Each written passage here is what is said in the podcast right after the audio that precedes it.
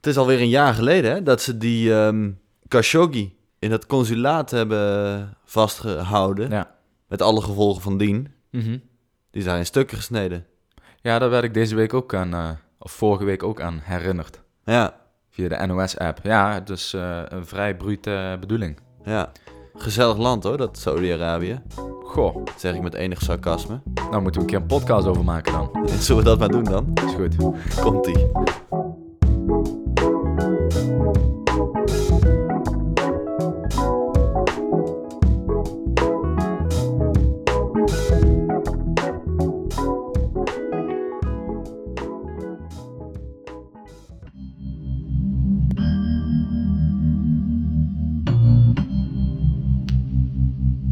is dus een jaar geleden dat Khashoggi werd vermoord. Een eh Saoedi-Arabische journalist, wonend in Amerika. En die werd vermoord in het Saoedi-Arabische consulaat in Istanbul, in Turkije. Ja, En die was daar om eh, wat trouwpapieren te, te regelen. Wat Aha. papierwerk. Zijn vrouw was buiten aan het wachten. Hij ging naar binnen. En hij is daar niet levend uitgekomen. nee. En hoe? Ja.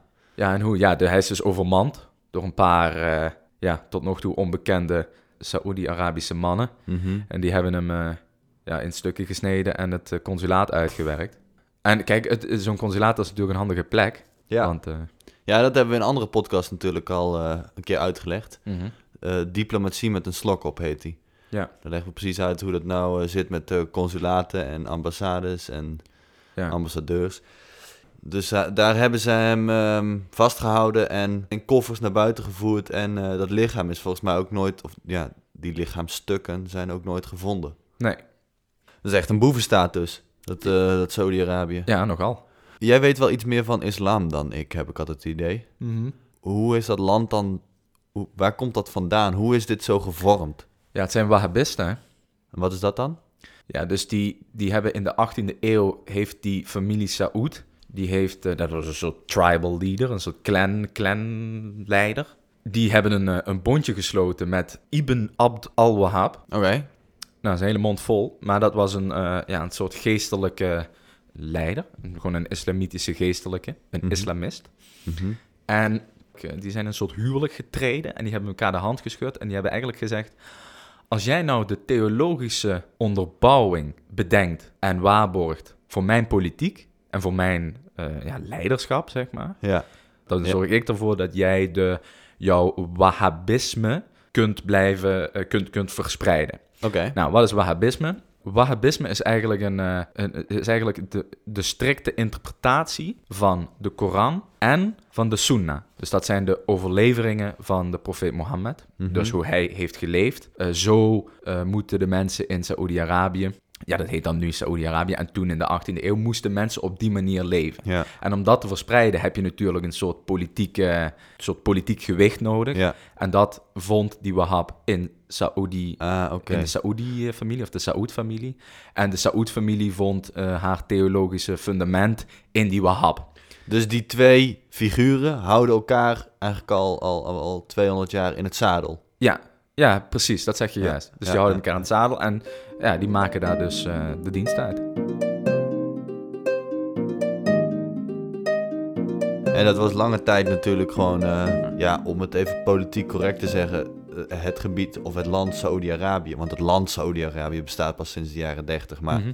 hè, dat gebied ja, was lange tijd natuurlijk ehm, niet bijzonder interessant, want het was gewoon een, een woestijn. Ja, Ja, en toen kwam er natuurlijk de olie bij. Ze hebben daar dan in het eh, oosten van Saudi-Arabië Mhm. een niet mis te verstaande inkomstenbron gevonden. Namelijk het grootste olieveld ter wereld. Mhm. Inmiddels het ene grootste olieveld, maar goed. Daar liggen gigantische hoeveelheden olie. Mhm. En uh, Daar zullen ze wel een zakcentje mee verdienen, denk ik. Ja, dat zegt dat wel. En zo heeft Saudi-Arabië zich van een eh, vrij saaie woestijnstaat Mhm. weten te ontwikkelen tot wel een, eh, een, een groot powerhouse in, in Ja. de geopolitiek. Ja, Maar dat Wat zullen we verdienen die later- gasten daarmee? Wat zeg je? Wat verdienen die gasten daarmee? Nou, ze hebben het eh, staatsbedrijf Aramco. Ja. Dat is het, ja, het oliestaatsbedrijf. Mhm. En dat is tegelijkertijd ook het meest waardevolle bedrijf ter wereld. En om dat in eh, leuke cijfers te zetten, dat wordt geschat als waarde op 10.000 miljard. Oftewel 10 biljoen met een B. Dat is eh, een serieuze som. Dat zijn astronomische bedragen. Kun je... Ja, daar kunnen zij natuurlijk die, eh, die koninklijke levensstijlen van die gasten. Ja, dat is mooi, want het is, ja, zoals ik zei, een staatsbedrijf. Zij pakken eh, grofweg 100 miljard dollar winst per jaar. Dus niet omzet, maar echt de pure winst. Mhm. En zoals ik zei, een staatsbedrijf. In Nederland gaat dat gewoon de, de schatkist in. Maar in Saudi-Arabië, een staatsbedrijf betekent gewoon een familiebedrijf. In handen van de koninklijke familie. Ja, wel zo lekker. Ja, ja, precies. Want Saudi-Arabië is niet een, een, een democratie of een eh, parlementaire rechtsstaat zoals wij dat kennen hier in Mhm. West-Europa. Saudi-Arabië is gewoon een autocratische monarchie. Dus ze hebben een koning aan het hoofd staan. En die koning die maakt daar gewoon eh, de dienst uit. Die kan doen en laten wat hij wil. Wetten aanpassen. ehm. Is hij daar de baas nog? Eh, ja, op papier wel. Maar de huidige koning, Salman heet hij, die is, eh, aan het, ja, die is gewoon oud. En die heeft eh, de geruchten zeggen dat hij ook eh, Alzheimer heeft. Dus nu ja, dat kun je komt niet daar... afkopen. Alzheimer. Ik zeg, dat kun je niet afkopen. Nee, dan kun je nog alle, al het geld van de wereld hebben. Ja, die ziekte sluipt erin. Dus nu is zijn zoon naar voren aan het treden. Mohammed bin Salman. Ah, heet ja. Kortweg MBS. En ja, dat, eh, hij wordt gezien als de nieuwe opvolger. eh, De, de ko- toekomstige koning van Saudi-Arabië. En hij, om het verhaal dan even rond te maken, wordt er ook van verdacht dat hij eh, ja, direct de opdracht heeft gegeven om Khashoggi in stukken te hakken. Ja. Dus geen gezellige jongen. Het is overigens nog niet bewezen trouwens, hè, dat hij dat heeft gedaan. Nou, hij heeft de verantwoordelijkheid genomen, hè? Nou ja, hij heeft de Hij heeft verantwoordelijkheid. niet gezegd dat hij, hij zegt dat hij er niet vanaf wist, maar hij nee, neemt maar hij heeft de verantwoordelijkheid. verantwoordelijkheid genomen omdat hij zegt, ja, ik ben staatshoofd. Ja. Eh, of ik sta in ieder geval aan de... Ik ben, ik ben de leider van, Mhm. van, die, van die mensen die in die consulaten eh, hun ding doen. ja. En als in zo'n consulaat iets gebeurt, dan komt het natuurlijk op mijn bord. Ja, dus is in die zin heeft hij de excuus. verantwoordelijkheid Ja. gepakt. Maar hij heeft niet gezegd, ik heb de opdracht gegeven. Nee, om. Maar goed, het heeft er wel alle schijn van. Ja. Maar wat is dat voor een jongen? MBS? Eh, MBS is een, ehm, ja, eh, een verwende prins. Daar kun je, komt het op neer. Die jongen is opgegroeid in, eh, in Riyadh, in het eh, Koninklijk Paleis. Mhm. Heeft eh, vanaf zijn geboorte alle rijkdom van de wereld gehad. Mhm. En nog steeds. Hij heeft toen op een gegeven moment bedacht... ik wil eigenlijk wel dit, eh, dit land... Ik wil, ik wil de rol van mijn vader overnemen. Ja. Ehm, en het was niet zo als bijvoorbeeld in Nederland dat nu al vaststaat dat Amalia wordt eh, de koningin ooit. Daar eh, wordt dat gewoon uitgevochten in een soort interne familie-machtsstrijd. Mhm. Want eh, voor lange, lange tijd was zijn oom eigenlijk de gedoodverfde opvolger van de huidige koning. Maar eh, als gevolg van eh, ja, een interne strijd heeft ehm, MBS hem aan de kant weten te schuiven. Heeft hij trouwens wel slim gedaan, want hij zei... Ik, ga de, ik, ik wil de nieuwe koning worden, dus ik ga nu een soort anticorruptiebeleid voeren. Ik, ga, ik ga zorgen dat dit land Een normaal land wordt. een normaal vooruitstrevend land wordt. Ehm, dus onder de noemer anticorruptie heeft hij gewoon zijn oom en nog enkele andere familieleden vast weten te zetten. Mhm. Maar ja, ik zeg vastzetten, maar dat moet je even tussen twee aanhalingstekens zien. Eh, hij heeft ze namelijk gewoon in het Ritz-Carlton Hotel in Riyadh gezet. Een vijfsterren hotel. en daar van alle gemakken voorzien. Lekker, mochten ze hoor. gewoon niet naar buiten. Nou, Nou denk ik naar buiten gaan in Riyadh lijkt me sowieso niet een pretje. Want het is daar altijd 50 graden. ja. Kun je Nou, beter zitten dan in Vught. Ja.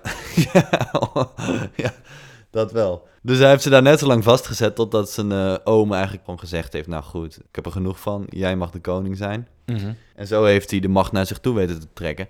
En hij heeft er nog wat andere hè, hypermoderne veranderingen doorgebracht in Saudi-Arabië. Zoals eh, dat vrouwen nu eh, achter het stuur mogen kruipen. Ja. Wat voor zo'n land natuurlijk eh, vooruitstrevend is. eh. Lief Ja. van hem hoor. Dus eh, die MBS, ja, dat is een, ehm, toch best wel een, een, een maniak. Maar heb jij het idee dat hij dat doet om een soort goodwill te creëren? Of wil hij echt gewoon dat land een stap verder helpen? Eh, ik denk dat het wel te maken heeft met goodwill. Dus aan de ene kant, oh wauw, anticorruptie, oh vrouwen mogen nu rijden. Aan de andere kant, een jaar geleden laat hij gewoon een, een, kritisch, een kritische journalist. Hè, we hebben het hier niet over een, een, iemand die verdacht wordt van het plegen van genocide of, of, of misdaad tegen de menselijkheid. Maar een kritische journalist laat hij in stukken hakken in een consulaat. Zeg maar, dat zijn geen halve maatregelen. Ander nieuws. Saudi-Arabië geeft eindelijk toe dat de kritische journalist Jamal Khashoggi is gedood in het Saoedische consulaat in Istanbul. Er zijn sterke aanwijzingen dat de machtige Saudische kroonprins betrokken is. Hij heeft enkele jaren terug het allerduurste schilderij ter wereld gekocht. eh, Salvator Mundi van Leonardo da Vinci. Wat trouwens gewoon een afbeelding van Jezus Christus is. Dus dat heeft vrij weinig met zijn religieuze achter, achtergrond te maken.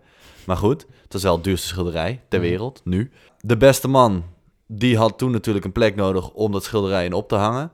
Toen heeft hij ehm, naar verluid, was hij in, eh, op vakantie in Zuid-Frankrijk. Ik gok Monaco. En daar zag hij een joekel van een, een jacht liggen. Toen heeft hij diezelfde middag de eigenaar van dat jacht eh, geïnformeerd en gevraagd: wat moet je voor dat ding hebben? En toen heeft hij nog diezelfde middag Zijn dat American jacht gekocht. Express eh, door, door de gleuf gehaald. Ja, juist.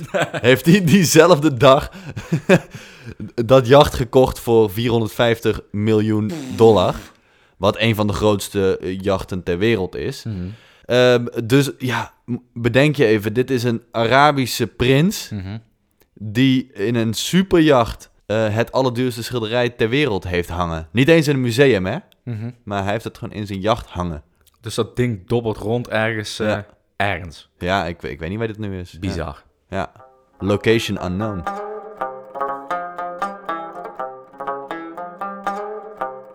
Saoedi-Arabië staat er natuurlijk wel een beetje bekend om, om het, eh, het stoutste jongetje van de klas te zijn op het gebied van vrouwenrechten. Ja. Je hebt daar die Mutawa, of Mutawin. Wat is dat? Dat is het comité ter bevordering van de deugd en ter voorkoming van de zonde. Oei, dat klinkt heel griezelig. Ja, dat is een soort Handmaid's Tale-achtig eh, ding. En dat is een soort zedenpolitie. En die zorgt ervoor dat iedereen zich daar eh, naar behoren gedraagt. Maar je hebt in 2002 is bijvoorbeeld, om maar even een, even een heel bizar voorbeeldje te, te noemen. In 2002 is een brand ontstaan in een meisjesschool. Mhm. En die meisjes die wilden natuurlijk vluchten. Ja. Maar omdat ze niet voldoende bedekt waren, mochten ze niet naar buiten van die Mutawa, van die zedenpolitie. Jezus. Ja, ik noem dat dan een zedenpolitie. Ja. En toen zijn daar dus meisjes eh, ja, 15. om- omgekomen. Ja, in Nou, dus- Mekka. Ja, dus dat geeft wel een beetje aan wat voor rare praktijken zich afspelen in dat land. En ja, internationaal, als je kijkt naar die, wat er gebeurd is met Khashoggi, dan zie je dat dat land zich internationaal gezien ook niet heel populair maakt. Ja. En daar komt nog eens bij dat Saoedi-Arabië gewoon een oorlog aan het voeren is in buurland Jemen. Ja, ja, ja. Ja, ja hoe zit dat ook alweer? Meer dan 10.000 doden, 3 miljoen vluchtelingen en een groot voedseltekort. Allemaal het gevolg van een bloedige burgeroorlog in Jemen. Eind 2015 begint Saoedi-Arabië zich ermee te bemoeien. Saoedi-Arabië voert samen met een coalitie van buurlanden al drie jaar strijd tegen de Houthis, vooral met zware bombardementen. En daarom krijgen de Houthis steun uit Iran, vijand van Saoedi-Arabië. Dat, die oorlog in, eh, in Jemen is, ehm, is een proxyoorlog. Dat houdt dus in dat Jemen het strijdtoneel is van een oorlog tussen, in dit geval Saoedi-Arabië aan de ene kant en Iran aan de andere kant. En officieel is het een godsdienstoorlog met aan de ene kant de Soenieten, dat zijn de Sa- Saoedi-Arabiërs, en de Shiiten, dat zijn de Iranezen, aan de andere kant. Maar het ligt allemaal net iets ingewikkelder. Ik zal er niet te diep op ingaan, want het is, ja, dat is ook weer een, dat zou een podcast op zich zijn. Het komt erop neer dat eigenlijk allebei de landen, Iran en Saudi-Arabië, willen gewoon het machtigste land worden in het Midden-Oosten. En dat vechten Ja. ze uit eh, in Jemen. Maar dit is een bijzonder gruwelijke oorlog. De VN heeft in het laatste rapport gesteld dat van alle bombardementen en, en, en beschietingen, dat 30% niet militaire doeleinden zijn. Dus dit houdt in, en ik overdrijf niet, daar worden ziekenhuizen, scholen, huizen van burgers worden daar gebombardeerd. Dus je, hè, dit gaat gewoon iedere grens van moraliteit of, of enige vorm van waardigheid te, te buiten. Hier worden gewoon scholen beschoten en gebombardeerd. Bizar. Ja, Maar waarom doen we dan nog eh, zaken met die gasten? Doen we eigenlijk zaken met die gasten? nou ja, eh, vrij veel. We, de olie van Saudi-Arabië komt voornamelijk terecht in China, Japan, India en eh, de Verenigde Staten. Ja. De grote industriële machten. Ja, daar gaat hun olie naartoe. Mhm. Maar wij doen wel inderdaad eh, vrij veel zaken met hun. Dat je zou denken, ja, waarom? Want het is, ze zijn toch, het is gewoon een autocratische monarchie die een gruwelijke oorlog voert in hun buurland. Zo stuurt de VS eh, voor miljoen. Nou, Donald Trump heeft daar gewoon een, een miljardendeal voor eh, wapens met Saudi-Arabië afgekondigd. Hm. Overigens, het congres in de Verenigde Staten heeft gewoon eh, deze, deze deal geblokkeerd. Dit Mhm. is dus in, het, in de Senaat en in het Huis van Afgevaardigden hebben gezegd... wij willen geen wapens verkopen aan eh, Saudi-Arabië. Donald Trump als president zijnde kan dat dan een veto eroverheen eh, flikkeren... En dan, en dan gaat dat gewoon wel door. Dus en dat, dat heeft hij gedaan. dat heeft hij gedaan, ja. ja, ja. Eh, de eh, het Verenigd Koninkrijk stuurt ook voor miljarden aan wapens naar eh, Saudi-Arabië. Frankrijk, maar ook Nederland. Ook Nederland stuurt wapens daarheen. Terwijl je dus weet, met enige... Ja, als je een beetje nadenkt, dan weet je dat die wapens wel gebruikt worden... om onder andere ziekenhuizen, scholen, dat soort, dat soort dingen worden daarmee beschoten in Jemen. Dus waarom doen wij daar nog zaken mee? Nou, ik stel die vraag eigenlijk omdat... eh, Kijk, waarom doen we daar zaken mee? Ja, natuurlijk om geld mee te verdienen, dat is één ding. Maar, en dat is vrij logisch, maar Mhm. als we altijd onze mond vol hebben van eh, mensenrechten Mhm. en mensenrechten schendingen en noem het allemaal maar even op. Even, de, de VN zeg jij net. De Ja. VN heeft een rapport uitgebracht waaruit blijkt dat Saoedi-Arabië eh, die misdaden begaat in Jemen. Maar diezelfde VN die stelt in 2015 Saoedi-Arabië aan als voorzitter van de Verenigde Naties Mensenrechtenraad. Ja, Die gasten hebben niet eens de universele verklaring voor de rechten van de mens geratificeerd ja. of getekend. Ja. Nee, eh, het geeft wel aan hoe scheef de verhouding is. Maar ik denk dat dit ook wel tekenend is voor... Nou ja, hoe de, hoe de, hoe de wereldpolitiek in elkaar zit. Dat je dus aan de ene kant deze moraliteit hebt, hè, dat wij nu bespreken. En ik denk dat, dat iedereen die hier naar luistert zal denken... Jezus, je gaat toch niet scholen bombarderen? Je gaat dat, dat, daar zitten kinderen. Dus daar ga je al helemaal geen zaken mee doen met die, met die, met die boeven. Mhm. Maar dit geeft dus wel aan dat de politiek iets anders werkt dan eh, hè, de emotie en eh, de moraliteit die jij en ik hebben. Ja. Want zodra er geld te verdienen valt en zodra er olie is, Mhm. gooien wij linea recta al onze principes overboord en gaan we maar wat graag eh, zaken doen met die, eh, met die knapen. Ja, en dan is er een golfoorlog. En dan is er een inval in Irak. Ja, Ja, goed. Ja, die gebieden toch waar die grondstoffen onder de, Ja. onder de grond zitten, die Ja. zijn altijd eh, heel erg het doelwit van, van allerlei, zoals jij zegt, proxyoorlogen. ja. Waarin dan degene met het geldzakje de boel een beetje in de war komt. Ja, ja, precies. Ja, nou, het, het scheelt dat... ehm, dit vroeg ik me ook altijd af. Hoe kan het nou dat, dat die landen, hè, Afghanistan, Irak, Kuwait, eh, Syrië... dat al, al jarenlang een instabiel gebied... terwijl Saudi-Arabië natuurlijk wel eh, stabiel is. Er is, er is daar geen oorlog in Saudi-Arabië zelf. Maar dat is natuurlijk omdat zij wel aan de kant van de Verenigde Staten staan Ja, al. Dat al. staatsbedrijf, dat oliestaatsbedrijf van hun, dat heet toch ook Aramco. Aramco. Ja. Arabisch-Amerikaans Oh, Oil Company. ja, is, is dat het? Ja, Oh, dat wist ik niet. Dus dat is toch... Dat is toch Ja, dat is het, zit duidelijk. gewoon... Een, Ja. Het is verweven met elkaar. Dus Ja. die Amerikanen zijn als de dood dat ze daar hun eh, vingertje uit de pap moeten halen. Ja, En daarom gebeuren dat soort dingen, denk ik. ja. Maar wat interessant is, er zijn politici in Nederland die zeggen... ja, het zou wel handig zijn als we die energietransitie een beetje een duwtje in de rug kunnen geven... dat we dat sneller oplossen. Zodat we geen zaken meer hoeven te doen met landen zoals Saoedi-Arabië. Eh, Mhm. dus landen die zich niet eh, bekommeren om de mensenrechten, et cetera. Mhm. Maar dan moet je niet via de achterdeur eh, wapens aan die gasten verkopen. Ja. Je? Dat is toch de hypocrisie ten voeten uit? Ik zeg, wees gewoon eerlijk aan st- als staat. Mhm. Dus of aan de ene kant zeg je, we vinden het echt verschrikkelijk wat daar gebeurt in Saoedi-Arabië en in Jemen. Dus wij weigeren nog om zaken te doen. Ja.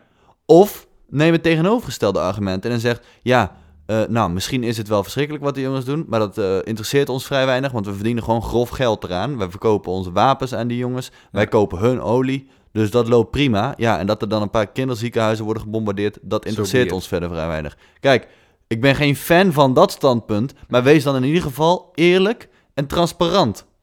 Ja. En dat gebeurt niet, want hè, Maxima bijvoorbeeld was een paar maanden geleden op de koffie bij MBS. Dan is, is, het, is de wereld in één keer te klein. Dat vinden we verschrikkelijk hoor. Dat, dat Mhm. zij daar met die, met die gruwelijke autocraat op de koffie gaat. Zonder iets te zeggen over die moord van Khashoggi. Precies, zonder daar ook maar een, met een woord over eh, te rappen. Ja. Wees gewoon niet zo hypocriet. Mhm. Wij als Nederland doen gewoon zaken met die jongens. Mhm. Zeg dat dan ook. En zeg, ja, het is allemaal wel verschrikkelijk hoor, dat die man in stukken is gesneden. Maar wij verdienen gewoon geld eraan. Dus klaar. Dus Ja. we houden ons mond. En is Maxima niet ook gewoon VN? Ja. Onderdeel van de VN? Ja, zij was daar als VN-gezant, dus dat was ook het argument van Mark Rutte. Van, het was helemaal niet in haar positie om daarover te spreken. Maar Ja, maar de vind- VN is toch de, de club die al die eh, door de achterdeur allemaal van die rapportjes eh naar ja, maar goed, zij was daar dan als eh, van een heel specifiek onderdeel van de VN. Dus het is allemaal, allemaal heel mooi verbloemd. En je kan natuurlijk kan je er wel argumenten voor verzinnen. Mhm. Maar zeg als Mark Rutte gewoon... Ja, klopt, we hebben daar niet over gesproken. Want als we daar met hem over gaan praten... dan verziekt dat onze relatie met Saudi-Arabië. En we willen wel nog lekker onze wapens aan die jongens verkopen. En we willen ook hun olie graag hebben. Ja, en dan kan de, kan de koninklijke familie, of de hoogste delegatie die Nederland heeft, gewoon naar de aanstaande begrafenis van die oude koning. Want Ja. dat hebben we de vorige ook gedaan. Was de wereld overigens ook te klein, hè? In Ja, eh, was zo? politiek Nederland. Ja. Ging daar met de hoogste delegatie naartoe. Ja, Natuurlijk allemaal journalist, journalisten die daar opspringen en zeggen: hey, wat, wat is hier de bedoeling van? Jullie gaan naar een paar autocratische eh, koningen toe ja. voor een begrafenis om de vriendschap eh, te waarborgen en vooral duidelijk te maken dat, eh, dat jullie eensgezind zijn. ja en dat je heel Maar- graag nog die olie wil hebben. En dat, je heel wij nog graag wel wat wapens hebben dus, liggen. Dus het is een beetje het een of het ander, zeg jij. Dus je moet ja, Maar goed, jij snapt net zo goed dat je niet als politicus en zeker niet als minister-president van een land als Nederland kunt zeggen. Ja, eh, die mensenrechten, dat, eh, ja, ik, ik vind het allemaal vervelend hoor, maar eh, we verdienen wel een rijdelijk zakcentje met die jongens. Dus eh, nee, dat kun je niet doen. Snap je? Ja, maar ik vind dat dat dus wel moet. Kap, kap gewoon met, die, met dat hele mooie praatje. Ja, nee, maar dit is toch ook een mooi praatje? Je snapt toch dat dat niet kan? Ja, kap dan maar met het hele zakenverhaal. Nee, maar ja, we, hè, Amerika bijvoorbeeld is al sinds dag en dauw bezig om zogenaamd overal in de wereld democratie te verspreiden. Ja. Maar de allereerste buitenlandse reis die Donald Trump maakte, zodra hij president was, was naar Saudi-Arabië. Eh, Ja. Een totaal ondemocratisch land waar hij het fantastisch vindt en zakendeals sluit en wapens naartoe exporteert. Mhm. Dus ja, dat hele verhaal is toch gewoon onzin. Maar het verkoopt goed, ja. Ja, ik snap het ook wel.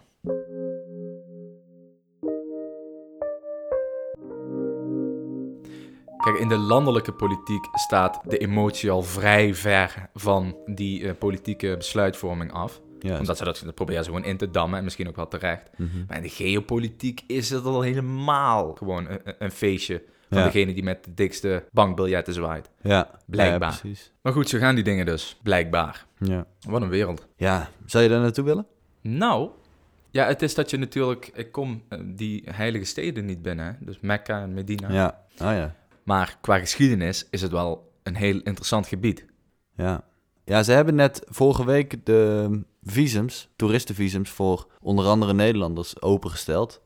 Dus je kan er naartoe, naar Riyadh. Ik ken eigenlijk geen echte andere steden behalve die heilige steden waar we dus niet in komen. Maar denk je niet eh, dat als ze erachter komen dat wij die podcast hier gemaakt hebben... dat we dan toch enigszins een probleempje Ja. hebben bij de aanvraag van een visum voor Saoedi-Arabië? Mis- Misschien dat we dan eindigen op, eh, hoe noemen ze het? Chop Chop Square.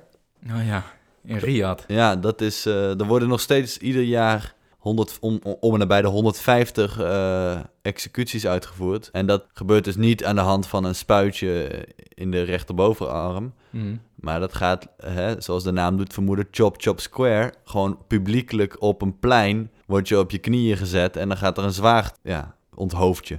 150 keer per jaar. Om 9 uur s ochtends las ik, gebeurt dat. Dus als je in Riyadh bent, dan je bent daar een midweekje. Kans groot dat je in ieder geval één kop ziet rollen. Nee, ja, dan ga ik liever eh, fietsen op de Veluwe. Mm, ja. Moeten de mensen nog iets doen? ja, eh, onze luisteraars. Ja. Ja, volg ons op sociale media. Instagram, Facebook zijn we te vinden. Volg ons vooral op Spotify. Ben je altijd op de hoogte. Bedankt voor het luisteren. En tot de volgende. Volgende week zijn we er weer.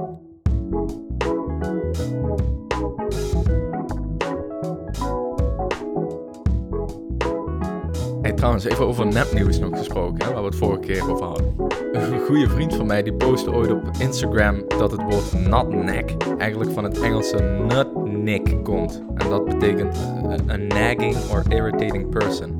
En dat zou dan weer van het Jiddische nudien komen. Dat betekent dan ook weer vervelen. Is gewoon helemaal niet waar.